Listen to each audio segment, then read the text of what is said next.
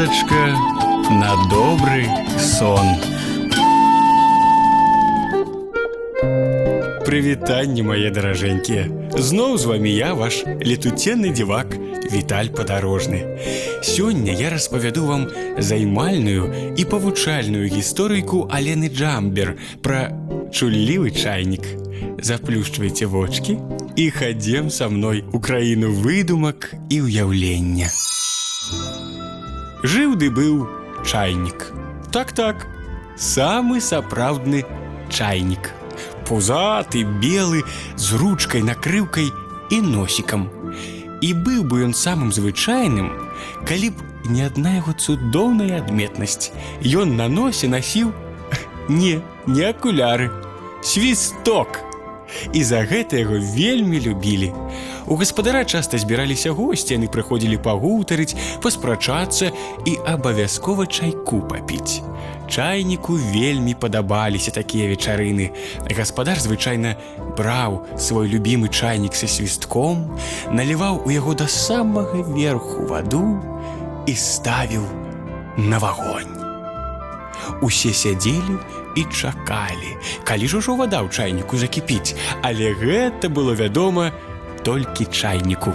Калі вада ў ім пачынала булькатаць ды пузырыцца, чайнік падаваў сігнал. Ён свістаў спачатку ціхенька, а потым што было моцы ў свой свісток. Доўга, праўда, свістаць яму ніколі не даводзілася, хаця чайнік і любіў гэты занятак больш за ўсё на свеце. Гаспадар чалавек чуткі, Ён хуценька прыходзіў на кліч і здымаў яго з вагню.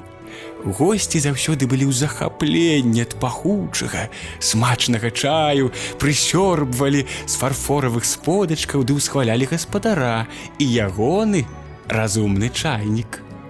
У такія хвіліны чайнік быў самым шчаслівым на свеце. Яго ўсе любілі. Ён быў патрэбны. У такія моманты, чайнік думаў. Ой, хораша як. Жыць і паміраць не трэба. Аднойчы, калі ў доме зноўку былі госці і чайнік ужо закіпаў, у гасцёўні не на жарт разгарэлася спрэчка. Спрачаліся госці, не ўтаймоўваўся гаспадар, што ў жыцці самае галоўнае. Адны казалі, што гэта калі цябе кахаюць. Іншыя сцвярджалі, што гэта калі ты кахаеш сам. Усе спрачаліся, звялі з панталыку адзін аднаго і ніяк не маглі вырашыць. Калі ж надыходзіць сапраўднае шчасце. Спрэчка была вельмі гарачай. Але ж гарачэй за ўсё было чайніку. На яго ўсе забыліся, Ён свістаў, свістаў, успатнеў, запарыўся, клікаў усё да пліты гаспадара, але той не чуў яго.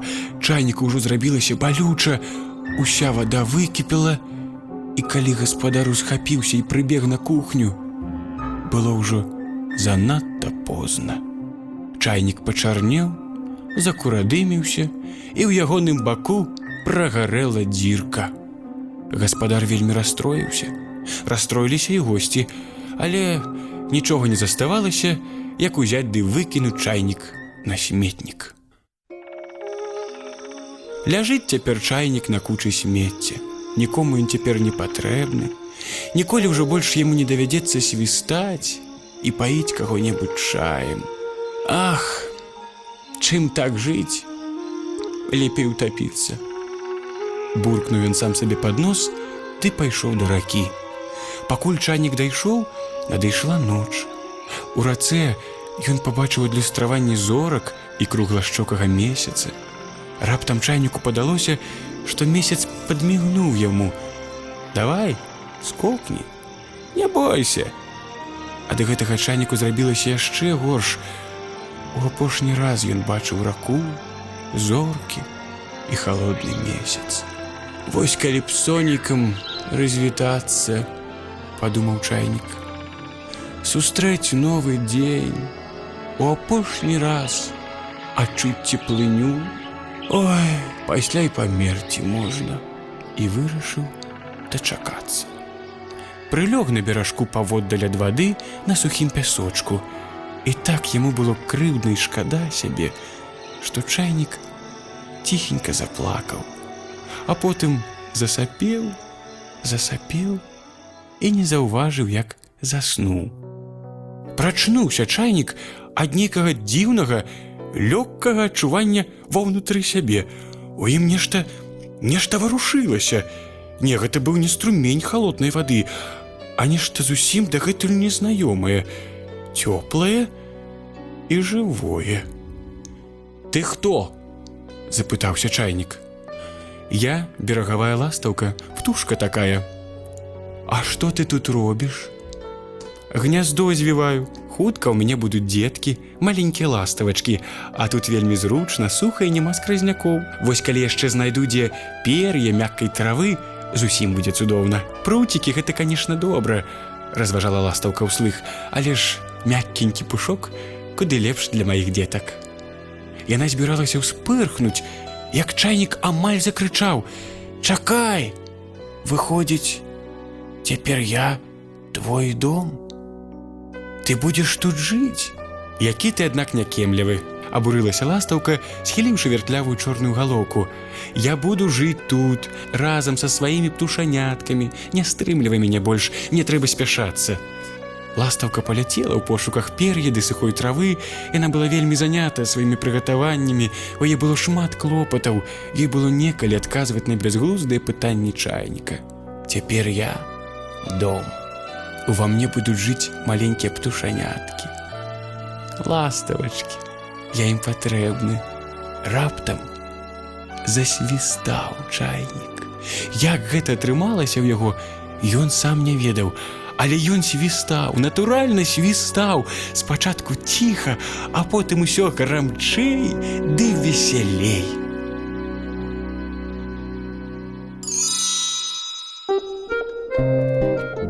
Вось і скончылася моя гісторыя. Спадзяюся, і вы зразумелі, што самае галоўнае ў жыцці быць некаму патрэбным. Тады гэтае жыццё робіцца асэнсаваным і радасным. А зараз заплюшчвайце вочки і добрай вам ночки. А я Віталь падарожны развітваюся з вами, каб назбіраць новых дзівосаў на прасторах сусвету. Дабранач. Кожны вечар так бывае, надыходзіць сон, Мружыць вочки пачынае няўмольна ён. Спіце, спіце, лялькі, цацкі, спі мой кот Максим. Спі матуля разам з таткам добрай ночы усім. Звонки у тэлефоне, у кране спіць вода, са здзіўленнем пакімоны сны свае глядзяць. Спіце, спіце, лялькі, цацкі, спі мой кот Максим. Спі матуля разам з таткам добрай